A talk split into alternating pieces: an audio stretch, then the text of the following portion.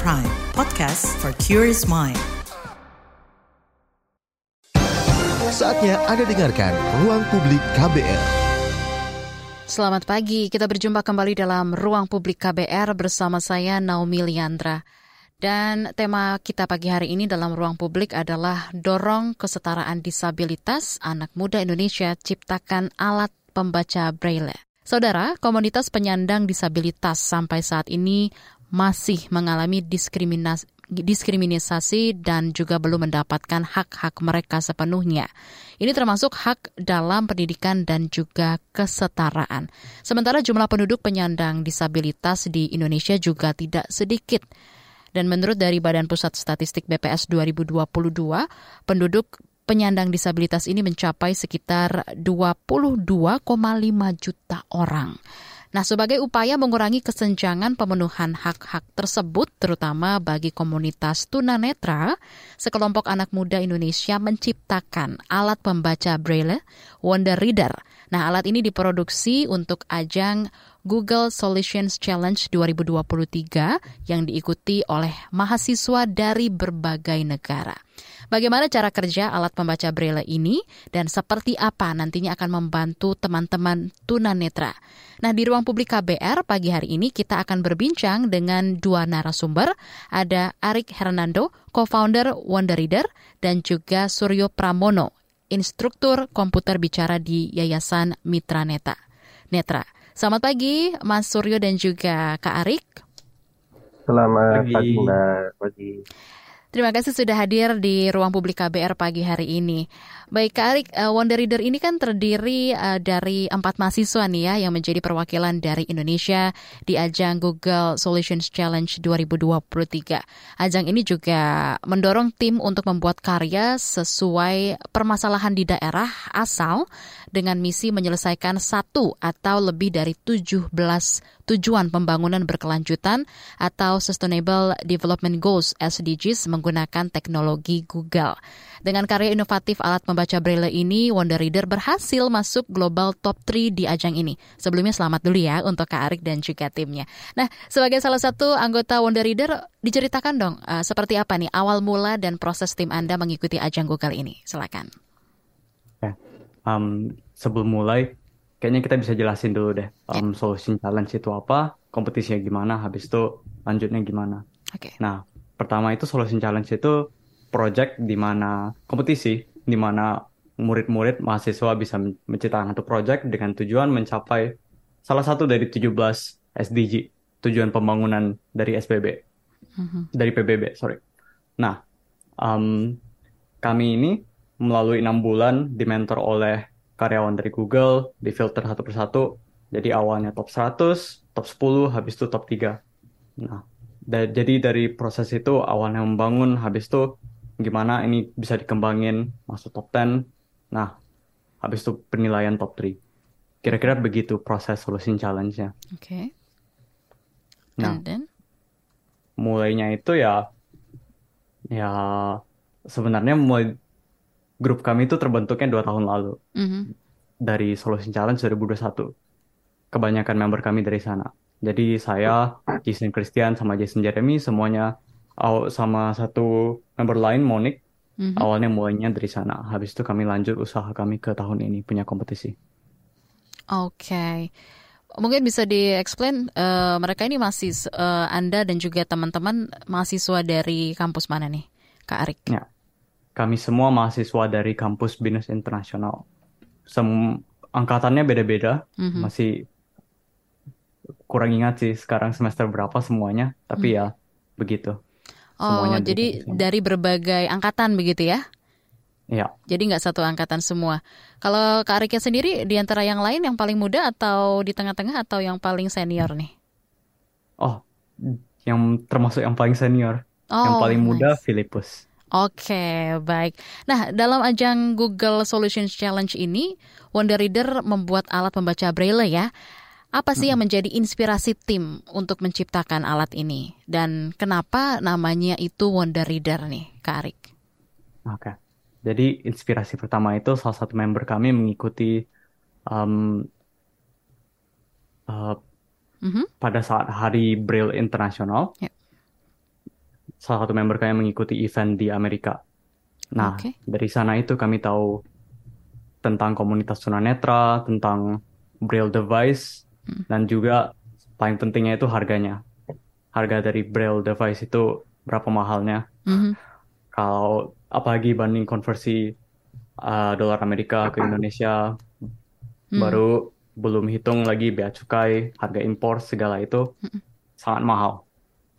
Hmm. Apa jadi yang awalnya sudah susah diakses, tambah lagi obstacle itu. Nah, jadi ini pas-pasan ada solution challenge. Kenapa nggak kita coba bikin yang lebih dapat diakses semua orang? Nah, begitulah akhirnya Wonder Reader. Dari namanya, Mm-mm. um, salah satu member kami sedang um, mendengarkan lagu Stevie Wonder. Oke. Pas-pasannya artis yang tunanetra juga. Nah, Yes. dari itu ya dapat namanya Wonder Reader. Wah, keren. Jadi yang menjadi pertimbangan ini berarti eh, harga dan kesulitan akses terwujudlah Wonder Reader ini ya dari eh, nama yang juga tadi di terinspirasi dari salah satu lagu yang lagi didengarkan salah satu tim dari Wonder Reader gitu ya, Kak Arik. Nah, kalau eh, ngomongin soal alat, alat pembaca Braille ini tadi sempat di-mention juga Braille device itu harganya juga tidak murah begitu ya. Nah, mungkin bisa dijelaskan lagi sih, apa aja teknologi Google ini yang digunakan untuk merancang alat ini dan seperti apa cara kerjanya nih Kak Arik? Nah, teknologi Google um, lumayan banyak dipakai saat pengembangannya. Uh, ada uh, Android, Bluetooth, Google Cloud, tapi ya pada akhirnya kebanyakan pakainya Android dan Google Cloud. Mhm. Uh, nah, apa harus jelasin dulu deh, Braille device itu awalnya apa dulu? Ya, silakan.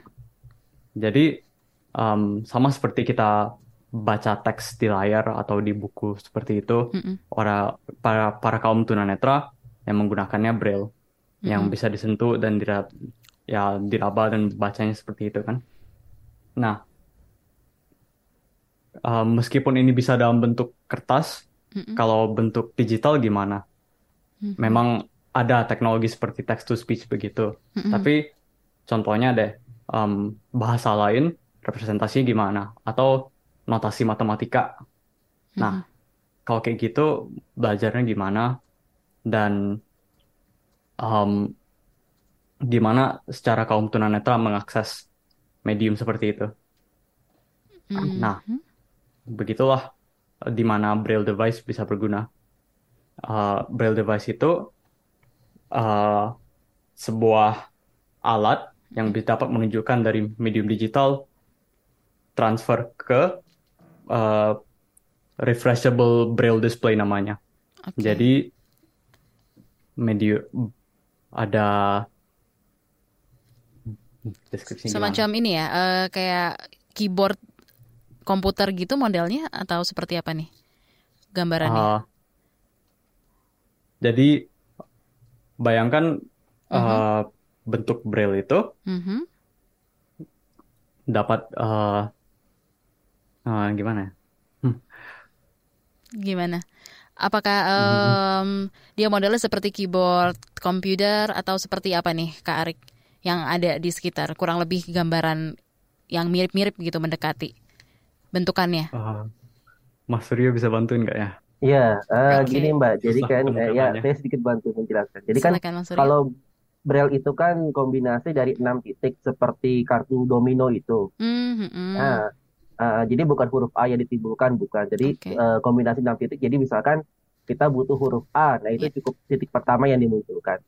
Nah itu eh, Wonder Reader ini eh, apa namanya dia apa eh, menyediakan sel-selnya itu gitu. Jadi Hmm. secara digital nanti akan muncul titik dari setiap lubangnya itu, Mbak. Gitu. Jadi ada dari beberapa. Jadi dengan Oke. eh, digital ini apa eh, secara otomatis akan muncul gitu. Jadi tidak butuh Mm, mm, mm. eh, kertas lagi Mhm. eh, apa namanya. Jadi eh, secara otomatis nanti akan dikontrol dan nanti setiap tulisan braille-nya akan muncul gitu. Sesuai dengan em, input yang dimasukkan lewat media handphone atau lewat komputer. Oke, baik Kak iya. Arik dan juga Mas Suryo. Nah, uh, mungkin kita ke Mas Suryo dulu ya. Mas Suryo, Yayasan ya. Mitra Netra ini kan adalah organisasi yang program-programnya fokus pada peningkatan kualitas dan juga partisipasi tunanetra di bidang pendidikan dan lapangan kerja ya. Salah satu program ya. Yayasan Mitra Netra, Netra ini juga adalah kursus komputer bicara, bicara yang ya. memberikan pelatihan komputer bagi tunanetra. Ini menarik sekali nih.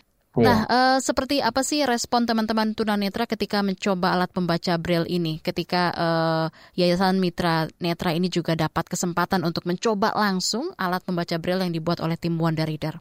Ya, uh, yang pertama yang harus dipahami begini. Memang sekarang sudah ada teknologi uh, yang membu uh, yang membuat teks menjadi bersuara seperti text to speech seperti yeah. ada handphone bicara gitu ya. Tetapi braille itu juga menjadi kebutuhan pokok karena uh, apa dengan apa text to speech itu itu tidak bisa menggantikan bagaimana cara tunanetra mengeja kata. Mm -mm. Jadi kebutuhan braille itu masih dibutuhkan sampai sekarang.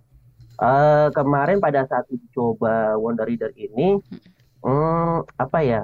Kami merasa bahwa uh, ini bisa menjadi salah satu solusi untuk mengajarkan uh, apa braille kepada teman-teman tunanetra yang baru belajar gitu kan kebutuhannya tidak hanya untuk yang masih kecil tapi juga untuk tunanetra yang um, menjadi tunanetra saat dewasa kan yeah. baik karena kondisi kecelakaan atau sakit gitu jadi uh, ini bisa menjadi salah satu solusi gitu untuk apa uh, pilihan tuh karena yang tadi seperti Mas Arik katakan bahwa memang ada produk yang sejenis ini tetapi mm -hmm. masih impor dari luar negeri ya tadi dengan yeah. embel-embel apa harganya mahal biaya cukai dan mm -hmm. segala macamnya gitu ya kemarin begitu dicoba dengan biaya produksi yang uh, kemarin sudah disampaikan itu saya bilang ini kalau bisa diproduksi dan bisa di apa dibagikan ke seluruh Indonesia ini bisa menjadi yeah. salah satu ya solusi untuk bisa apa ya membantu tunanetra gitu untuk belajar braille paling tidak. Oke, baik. Uh, uh. Nah, boleh diceritakan nih, Mas Suryo, kemudahan seperti uh. apa sih yang ditawarkan oleh alat ini ketika digunakan teman-teman tunanetra? Mungkin uh, ada juga yang menjadi catatan Anda terkait alat ini kah? Silakan. Ya, kemudahannya pertama alat ini bisa diraba secara tekstil ya. Jadi mm -hmm. uh, memang kondisi aslinya braille gitu. Jadi huruf okay. braille-nya dibuat sedemikian rupa uh, sehingga bisa dibaca gitu. Memang harus disempurnakan karena memang ukurannya masih sedikit lebih besar dari ukuran huruf braille yang semestinya gitu. Hmm. Tetapi karena bisa diakses lewat handphone gitu ya, lewat handphone Android, lewat uh, apa komputer, ini bisa menjadi sarana komunikasi. Misalkan ada guru tunanetra, yeah. gurunya ini bisa melihat, tapi dia tidak bisa braille. Dia masih bisa memberikan instruksi, misalkan ini saya tulis uh, kata dalam braille, nanti si tunanetra bisa, uh, bisa langsung membacanya gitu. Uh, kalau catatannya ya memang karena produk kemarin uh, kita kami coba ini masih uji coba banyak yang harus disempurnakan ya. Hmm. Kadang uh, uh, karena memang tadi secara ukuran masih yeah. belum uh, sesuai dengan huruf braille aslinya. Jadi memang harus uh, banyak yang disempurnakan. Tetapi yang tadi yang saya katakan di awal, kalau ini bisa diproduksi massal bisa menjadi salah satu solusi gitu. Mm -hmm. Dengan harga yang terjangkau juga dengan uh, apa yeah. Iya. uh, bisa disebarkan ke seluruh Indonesia uh, apalagi apa namanya kebutuhan untuk braille juga sekarang semakin meningkat mm-hmm. sepertinya sih bisa gitu bisa menjadi solusi untuk okay. membantu teman-teman tunanetra. Baik, Mas Surya dan juga oh, oh. Kak Arik. Kak Arik ternyata uh, alat braille-nya itu warnanya hitam dan ungu ya kalau nggak salah ya, benar nggak sih? Iya. Oke, warnanya hitam dan ungu ini warna yang juga uh, sangat unik ya. Baik, nanti kita lanjutkan kembali obrolan pagi hari ini. Ruang Publik akan segera kembali. Masih Anda dengarkan Ruang Publik KBR. Commercial break. Commercial break. Permisi, Mas. Iya, Mbak. Numpang nanya. Mau nanya apa? Tahu KBR Pagi nggak? Udah pasti tahu dong, karena aku sekeluarga udah lama langganan KBR Pagi. Banyak informasi, mulai dari berita sosial, budaya, politik, hukum, berita nasional maupun daerah, berita terkini sampai berita viral. Semua ada di KBR Pagi. Pokoknya kurang lengkap aja rasanya kalau sehari nggak dengerin KBR Pagi di kbrprime.id. Cari aja KBR Pagi. Loh, Kok Mas hafal banget? Jangan-jangan Mas hostnya ya? Hayo ngaku. Kamu Don Brady kan? Eh, eh, eh, eh, eh, kabur. KBR Prime, podcast for curious mind. Masih Anda dengarkan Ruang Publik KBR.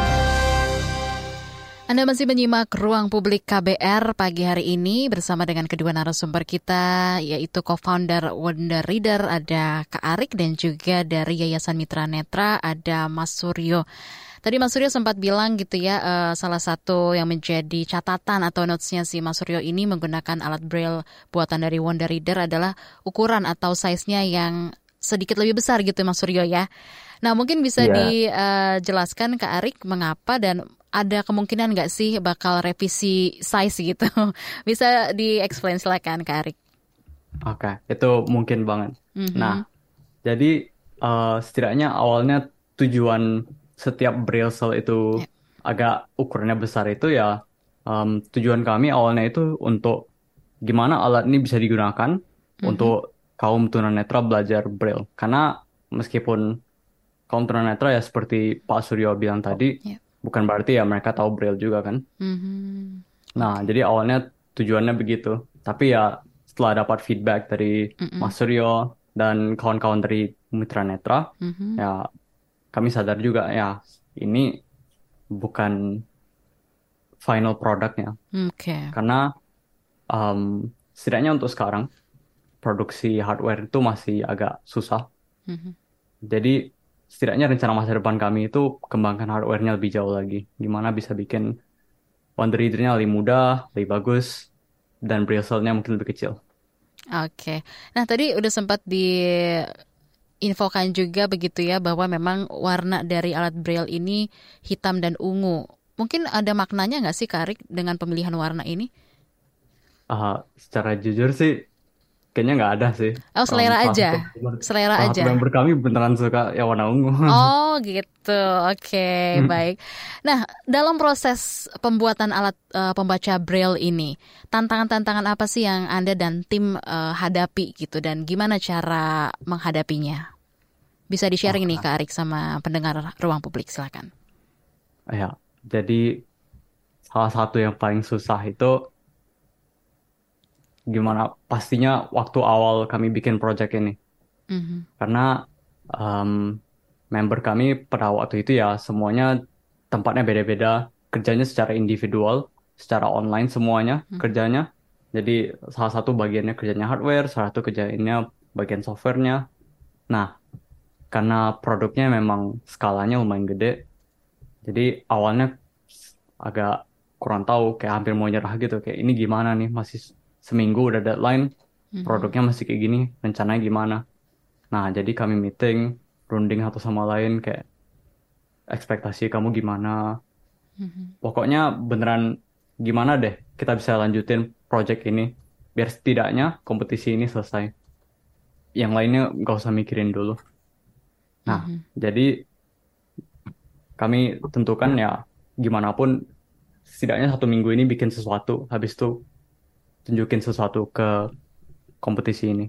Dan untungnya kami lanjutin masuk top 100 dan Hmm. selanjutnya. Hebat banget dari top 100 masuk top 10 sorry sampai akhirnya top 3 begitu ya Kak Arik. Nah, dari banyaknya tim eh, di seluruh dunia yang berpartisipasi dalam Google Solutions Challenge 2023, sorry, Wonder Reader ini berhasil masuk ke top 10 finalis dan masuk ke global top 3. Saat memutuskan untuk mengikuti ajang ini, gimana sih harapan Anda dan teman-teman satu tim? Apakah masuk global top 3 ini menjadi tujuan dari Wonder Reader? Um, pastinya sih top 3 ini uh, kalau sebisanya bisa dapat top 3 pastilah happy lah. Ya, Um, banget tentu pastinya. saja prize poolnya kan Iya. lumayan gede juga. Jadi ya idealnya sih begitu. Tapi dari Hmm. awal juga kami semua udah tentuin kayak ekspektasi gimana project ini tujuannya apa. Dan tujuan kami itu coba deh bikin sesuatu yang beneran berguna untuk masyarakat. Bikin ini dulu, habis itu Hmm. kompetisinya mikirinnya nanti aja dulu. Kalau menang, menang. Kalau kalah, kalah. Gimana pun kami lanjutin terus projectnya. Awalnya, dari awal rencana gitu. Oke. pernah nggak ada ngerasa down gitu ngelihat project dari negara lain? Mungkin pernah ada ceritanya berempat atau dengan timnya gitu, Mas uh, Kak Arik? Hmm, iya. Um, kalau merasa down, uh, enggak sih. Enggak Karena ya? Keren. Gimana pun satu harus pede sama produk sendiri. Kan Nice. kami udah habisin waktu berapa Hmm. lama kerjain ini kan enam bulan juga baru di bawah mentorship dari um, Pak Muhammad Mhm. itu beliau karyawan Google yang Mm-hmm. membantu kami sangat banyak waktu proses enam bulan ini.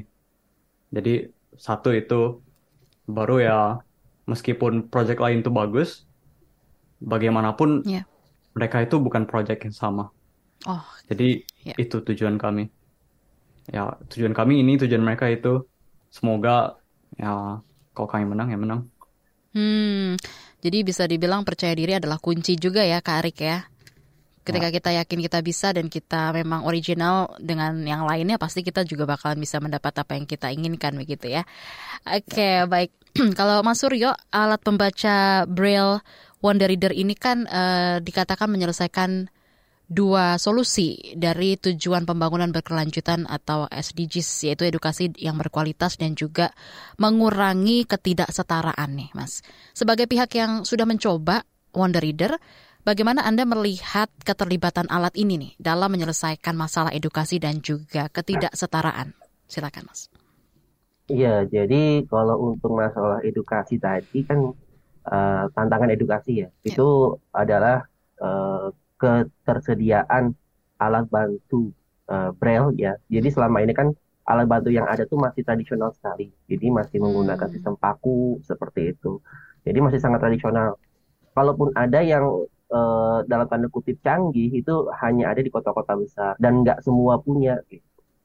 Eh, kalau misalkan alat ini bisa diproduksi massal, ya satu saat mimpinya boleh ya Mas Arik ya. Misalkan alat ini bisa diproduksi massal, Mhm.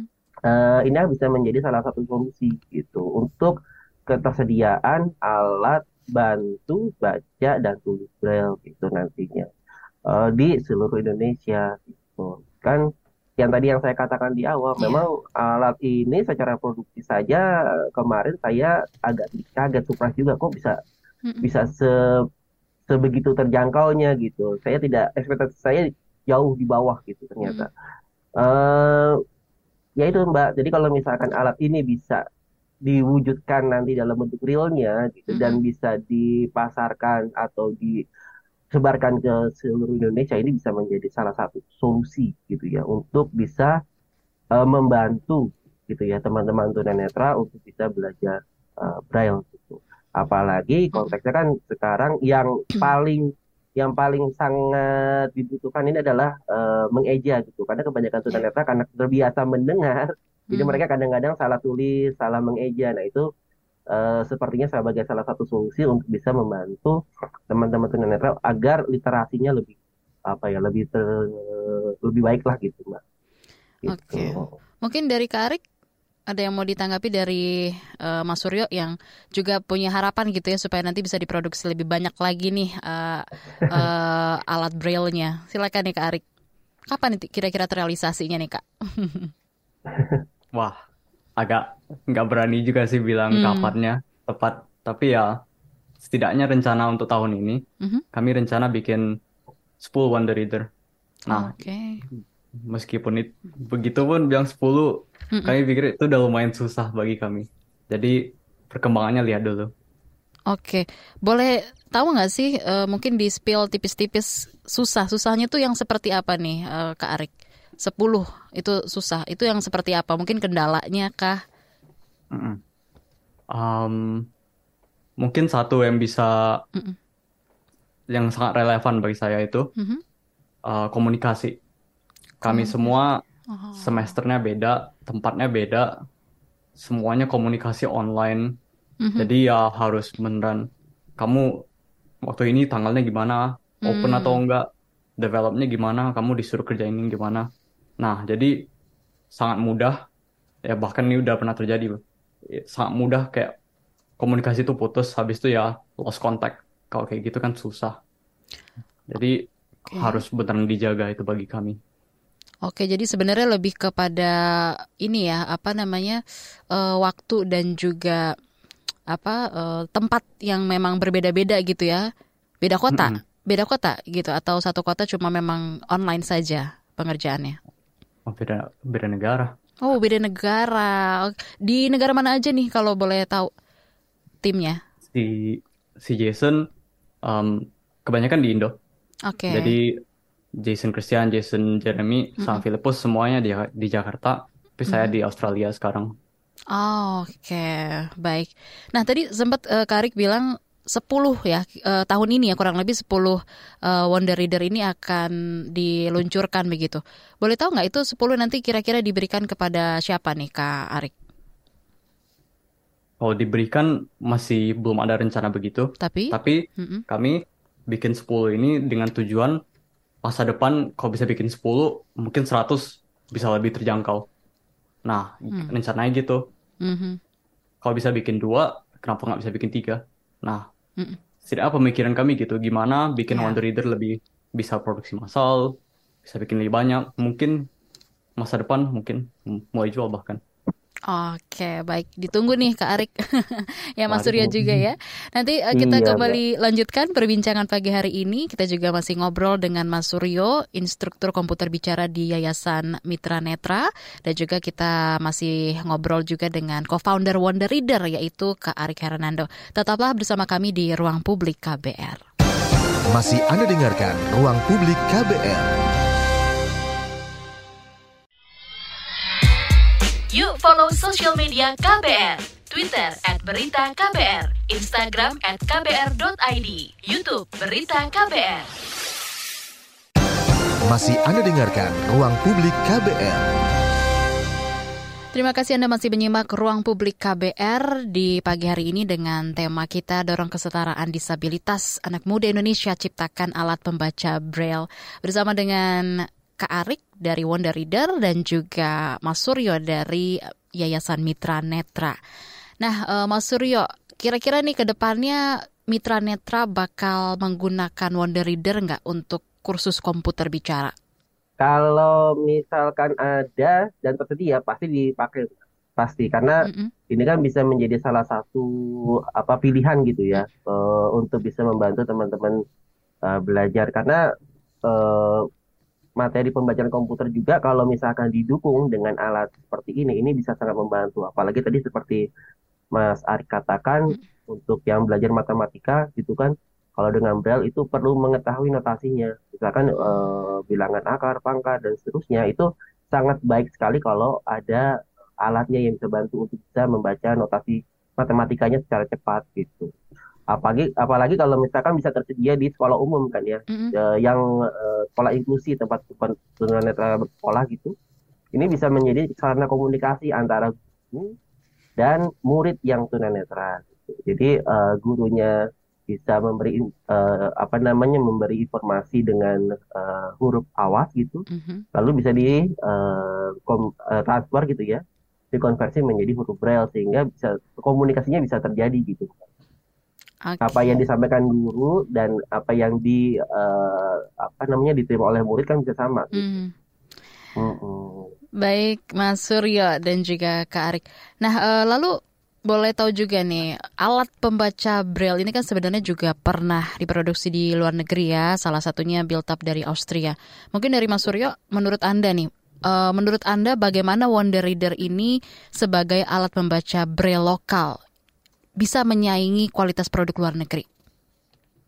Um, ya, kalau bisa disempurnakan pasti sangat bisa menyaingi ya karena dari sisi harga saja sudah beda jauh gitu dari mm -hmm. sisi apa namanya dari sisi harga saja untuk mendapatkan Wonder Reader ini nanti bisa lebih murah gitu lebih terjangkau Dan ya mm-hmm. lebih terjangkau ya lebih terjangkau kemudian uh, kalau misalkan lebih disempurnakan lagi uh, ya paling tidak kan kita bisa bangga dengan produk anak negeri sendiri ya, anak bangsa gitu ya. Jadi uh, menurut saya sih bisa bisa lah kalau misalkan untuk menyaingi produk-produk dari luar gitu, sangat bisa sekali dan sangat mungkin sekali. Gitu. Oke. Okay. Baik, Kak Arik, selama mengikuti program Google Solutions Challenge 2023, manfaat apa nih yang Anda dan tim dapatkan? Bisa diceritakan, silakan.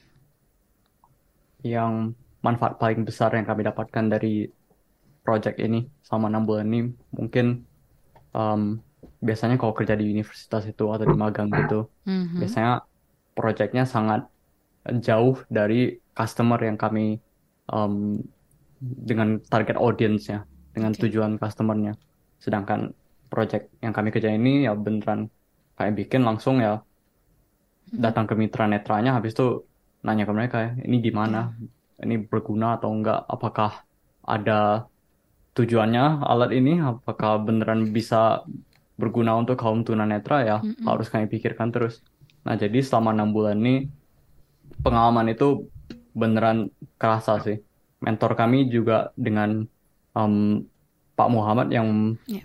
mentor dari Google itu juga tiap minggu tanya ini gimana, apakah ini Mhm. benar berguna, ini kalau gimana kalau uh, nggak ada internet, contohnya gitu, gimana kalau nggak ada ini, kalau itu.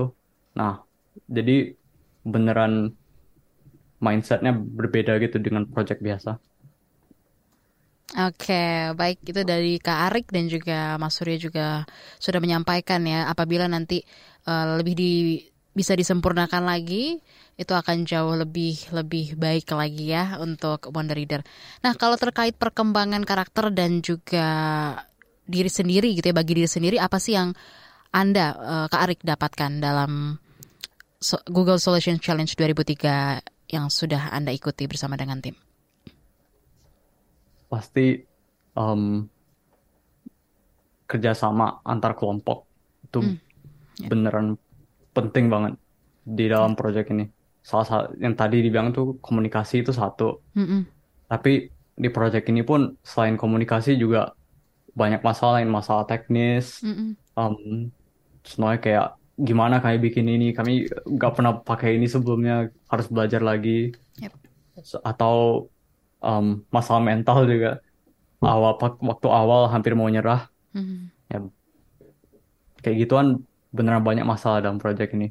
Dalam arti yang bagus. Kayak ya banyak perkembangan personal Oke, baik. Kita mulai baca eh, WhatsApp dan juga komentar di channel YouTube Berita KBR ya, Kak Arik dan juga Mas Suryo. Dari YouTube dulu nih ada Pak Buyung Zuo. Arik Fernando berkarya, berkarya terus bisa berguna nusa dan bangsa serta keluarga. Semangat terus dari Om Buyung. Dapat salam dari Om Buyung nih untuk Kak Ariknya. Kemudian kita ke WhatsApp ada dari Medan Pak Lukas. Salut sekali dengan mahasiswa anak bangsa bisa menghasilkan produk yang berguna bagi masyarakat. Kalau anak-anak seumuran Kak Arik ingin seperti tim Wonder Reader harus seperti apa nih Kak? Mungkin bisa ditanggapi dulu dari Kak Arik. waduh Em, Kunci suksesnya Kak Arik nih. rekomendasinya satu itu sih ya. Jala- jalanin aja daripada banyak mikir. Daripada mikir ini gimana bisa menang? Atau kayak Hmm, hmm, hmm. gimana cara kalian bikin produk yang bisa menangin kompetisi ini? Mendingan jalanin aja. Coba do your best. Kalau gagal ya ya udah. Kalau menang happy. Oke, nice banget tuh jalanin aja. Yang penting jangan hanya dipikirin, diomongin, pokoknya direalisasiin dengan dilakukan gitu ya. Oke, baik. Mungkin dari Mas Suryo juga eh, bisa kasih tahu nih sebagai instruk- eh, instruktur yang pasti bertemu dengan anak muda juga, gimana supaya muridnya juga bisa berkarya nih Mas Suryo. Iya, eh, kalau dari saya sih ini ya, jadi kalau misalkan kita nih, kita itu diciptakan eh, punya rasa, punya rasa, punya eh, apa ya, sudah sudah cukup sempurna gitu. Menurut saya sayang kalau misalkan cuma didiemin, tidak digunakan. Hmm, Seperti Mas Ari kan segala daya upayanya dibuat untuk dicurahkan ke dalam alat ini.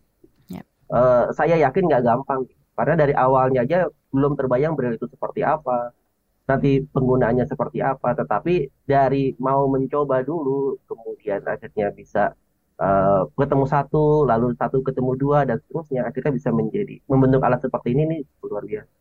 Menurut saya sih betul kata Mas Arik, ya lakukan dulu, jangan jangan patah arang dulu dan eh, apa eh banyak banyak masalah itu justru membuat kita semakin mengerti memahami akan apa tantangan di depannya gitu menurut saya. Oke, baik. Jadi memang uh, harus dilakukan ya, bukan hanya dipikirin oh, oh. aja. Apa gunanya iya. dipikirin kalau nggak dicoba gitu ya, Mas Yuri dan juga Kak Arik. Oh. Lanjut lagi nih ada dari Samarinda, Pak Surya. Saya rasa upaya dan alat yang diciptakan Wonder Reader ini harus didukung pemerintah. Mungkin mau ditanggapi dari Kak Arik? Silakan. Kami untuk sekarang masih mencari dukungan dari hmm. siapa pun bahkan yang pertamanya ya Mitra Neta beneran selama project ini thank you banget udah bantu feedback, bantu testing, semuanya beneran kami sangat terima kasih untuk itu. Tapi ya untuk sekarang kayaknya perlu lanjutin lagi projectnya. Jadi jika ada yang tertarik untuk mendukung project ini lebih jauh lagi, silahkan kontak. Uh, ada IG kami wonder underscore leader id. Wonder underscore Reader. Leader. I... Reader. Oh reader, Pembaca. sorry. Reader ya. ID. Mm -mm. ID ya ID. berarti ya. Oke, baik. Ya. Dari Mas Suryo mungkin mau ditambahkan. Ya, pertama pastinya uh, ini terima kasih untuk Mas Arik dan tim yang sudah membantu kami apa uh, memikirkan untuk satu alat gitu untuk kami. Uh, dan begini Mbak, banyak sekali banyak sekali uh, di luar sana yang terpikirkan untuk membuat alat untuk membantu tunanetra. Mm-hmm. Tetapi sayangnya mereka tidak berkonsultasi dengan si pengguna si tunanetra. Jadi alatnya menurut asumsi mereka gitu, yang akhirnya banyak menjadi tidak terpakai. Hmm. Nah dari awal Mas Arik dan tim ini ini sudah konsultasi ke kita. Gitu. Kita punya alat seperti ini. Dicoba kira-kira gimana. Nah setiap masukan itu diimprove mbak ke depan ke depan ke depan gitu jadi mm-hmm. menurut kita luar biasa gitu yeah. sampai akhirnya sampai yang alat yang terakhir kami coba itu uh, sedikit lagi disempurnakan itu sudah cukup sih sebenarnya ya sedikit mm-hmm. lagi sudah bisa disempurnakan itu bisa apa ya bisa membantu lah teman-teman tunanetra gitu dan enaknya uh, baiknya timnya Mas Arik ini mm-hmm. mau menerima masukan gitu hmm Jadi bukan menurut asumsi mereka, iya. tetapi yeah. menurut kebutuhan kami si pengguna ini, gitu. Si tunanetra yang menggunakan alat ini gitu nanti, gitu. Oke, baik. Itu jadi catatan penting juga ya. Jadi uh, pada saat ingin membuat alat braille juga perlu dikonsultasikan dulu untuk uh, penggunanya, kebutuhannya seperti apa, seperti yang dilakukan oleh uh, Kak Arik dan juga timnya di Wonder Reader. Baik, satu lagi dari Jakarta ada WhatsApp yang masuk, Ibu Salsa. Bagaimana harapan Yayasan Mitra Netra pada generasi muda Indonesia untuk bisa memproduksi atau memberi pengaruh untuk teman disabilitas? Silakan. Tentu saja kalau Mitra Netra ini mendorong kaum muda untuk bisa bersama-sama dengan kami, dengan Mitra Netra, untuk bisa membantu teman-teman yang mengalami disabilitas netra baik dari lahir maupun yang dewasa. Karena mm-hmm. dengan membantu mereka, eh, si tunanetra ini atau si disabilitas netra ini tidak lagi menjadi beban, mungkin bahkan bisa menjadi uh, peluang baru untuk mereka gitu.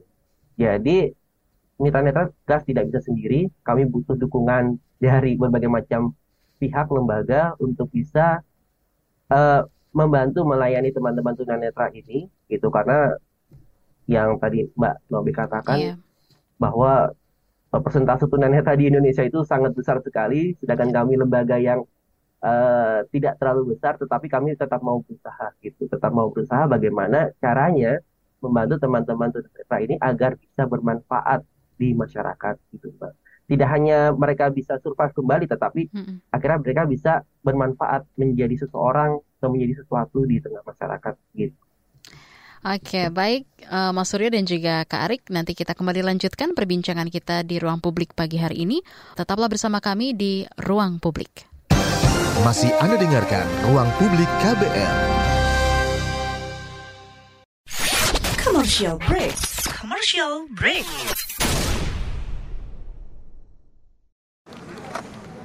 Lu nyari apa sih? Sibuk amat dari tadi. Duit gue nih hilang, padahal udah dimasukin dompet ada tuyul kali ya? Hus, jangan asal lo ya. Eh, bukannya tadi lo jajan kopi, ikut PO seblak, sama nitip gorengan ya? Hah? Masa? Kok bisa nggak sadar ya? Bocor alus tuh, lo kudu disiplin keuangan makanya. Dengerin deh Uang Bicara, podcast dari KBR Pram yang ngebahas soal ekonomi dan literasi keuangan. Cocok banget buat anak muda kayak kita. Nah, sama nih kayak dengan self reward. Oke. Lo dengerin di mana? Di kbrprime.id.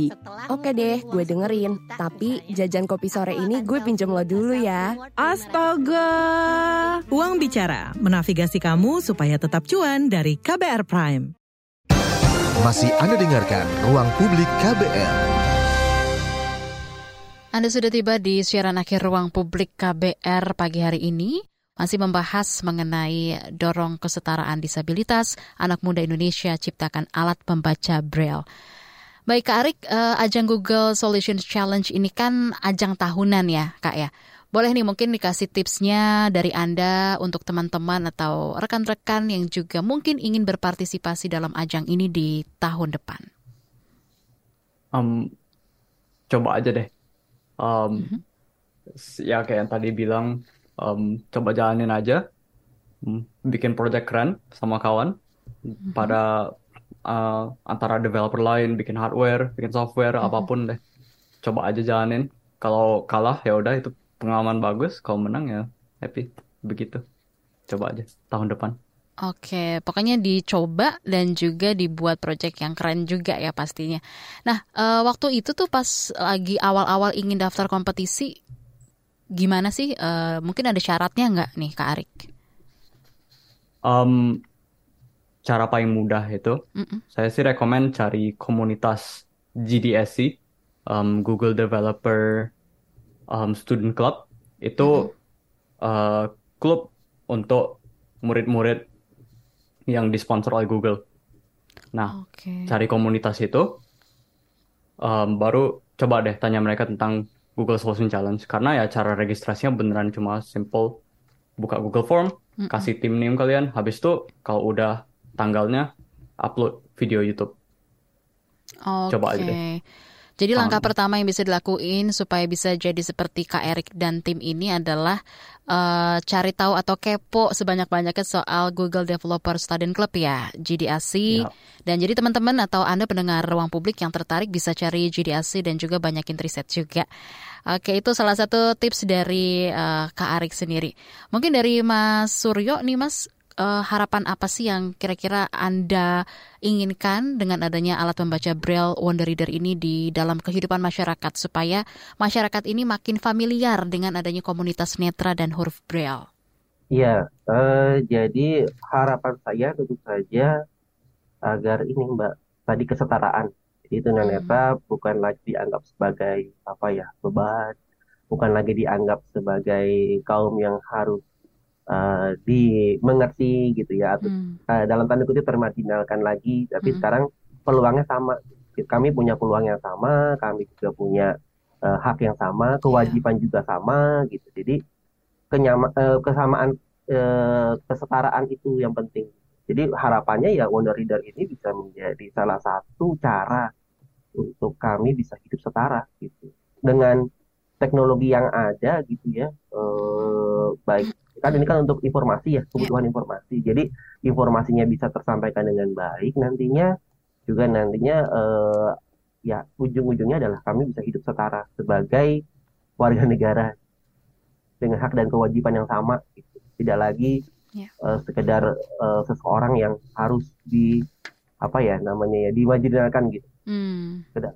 uh, kami juga bisa bermanfaat kami juga bisa melakukan sesuatu apa untuk diri kami sendiri untuk uh, negara kami gitu sih ke depannya.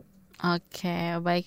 Dari Kak Arik mungkin silakan tambahannya Kak, harapan Anda dengan adanya alat pembaca braille ini dengan Wonder Reader ini khususnya di dalam kehidupan masyarakat nih, uh, Kak Arik. Oke. Um, ini lebih ke pesan ke developer lain mm -hmm. sama murid-murid lain. Meskipun Wonder Reader ini salah satu uh, teknologi yang ya sampai top 3 di Thousand Challenge. Bukan berarti Wonder Reader saja yang bisa mencapai ini.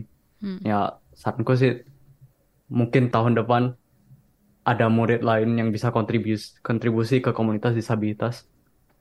Jadi semoga kami bukan cuma kami aja yang lanjutkan ini.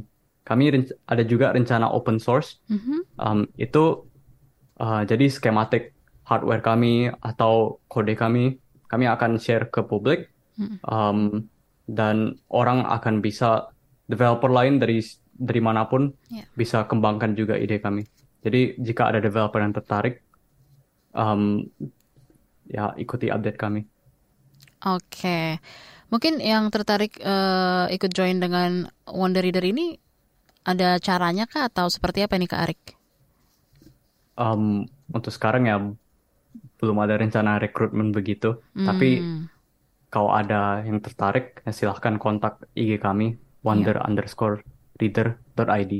Oke, jadi bisa langsung dibuka aja Instagram di akun wonder underscore reader dot id ya, ID. betul. Oke, baik. Dari Mas Suryo, Yayasan Mitra Netra, apa juga akan kasih dukungan lanjutan nih ke Wonder Reader-nya? Seperti apa nih Mas bentuk dukungan lanjutannya? Um, pastinya ya Mbak, kalau memang alat ini nantinya akan dikembangkan lebih jauh lagi, kami siap untuk misalkan menjadi orang yang melihat gitu ya perkembangannya, hmm. mengetes lah gitu. Hmm. Alat ini juga memberikan masukan-masukan gitu ke depannya sehingga alat ini bisa menjadi lebih sempurna lagi dan bisa digunakan uh, untuk teman-teman tunanetra gitu. Uh, terlebih lagi kalau misalkan alat ini nantinya mm ya mimpinya bisa ada gitu uh, secara nyata bisa yeah. digunakan itu kan uh, sangat baik sekali ya untuk bisa disebarkan mungkin ke sekolah-sekolah atau kalau di Mitra Netra sendiri pastinya bisa dipakai sebagai salah satu uh, alat bantu untuk hmm. bisa belajar braille dari dasar atau mungkin nantinya ke depan bisa uh, membantu untuk bisa uh, cek spelling dan seterusnya gitu. Jadi menurut saya dari dukungan dari mitra netra apa pun itu selama itu untuk uh, perkembangan teknologi untuk tunanetra pasti kami bantu, pasti kami dukung. Baik, terakhir nih mungkin dari Mas Suryo ada website Yayasan Mitra Netra atau kontak person yang bisa dihubungi atau mungkin sosial medianya juga ada untuk ya kalau Mitra Netra uh-huh. uh, websitenya ada di mitranetra.or.id uh-huh. di situ juga kalau uh, media sosialnya ada di Mitra Netra at Mitra Netra kemudian uh, di Facebook juga ada Mitra Netra gitu. nanti bisa kontak ke situ atau kalau misalkan mau berkunjung ke tempat kami di yayasan kami monggo silakan uh-huh. kami ada di daerah Lebak Bulus Jakarta Selatan Oke, baik. Terima kasih banyak untuk kedua narasumber kita pagi hari ini dalam ruang publik KBR dengan tema Dorong Kesetaraan Disabilitas Anak Muda Indonesia Ciptakan alat pembaca braille. Terima kasih banyak untuk Kak Arik Hernando, co-founder Wonder Reader. Kemudian juga terima kasih untuk Mas Suryo Pramono, instruktur komputer bicara di Yayasan Mitra Netra. Untuk waktu Anda berdua di ruang publik KBR pagi hari ini. Dan juga untuk Anda pendengar yang juga sudah memberikan komentar, pertanyaan Anda dan juga opini Anda. Terima kasih banyak. Akhirnya saya Naomi Liandra pamit undur diri dalam ruang publik KBR pagi hari ini. Terima kasih dan sampai jumpa. Baru saja Anda dengarkan Ruang Publik KBR. KBR Prime, cara asik mendengar berita. KBR Prime, podcast for curious mind.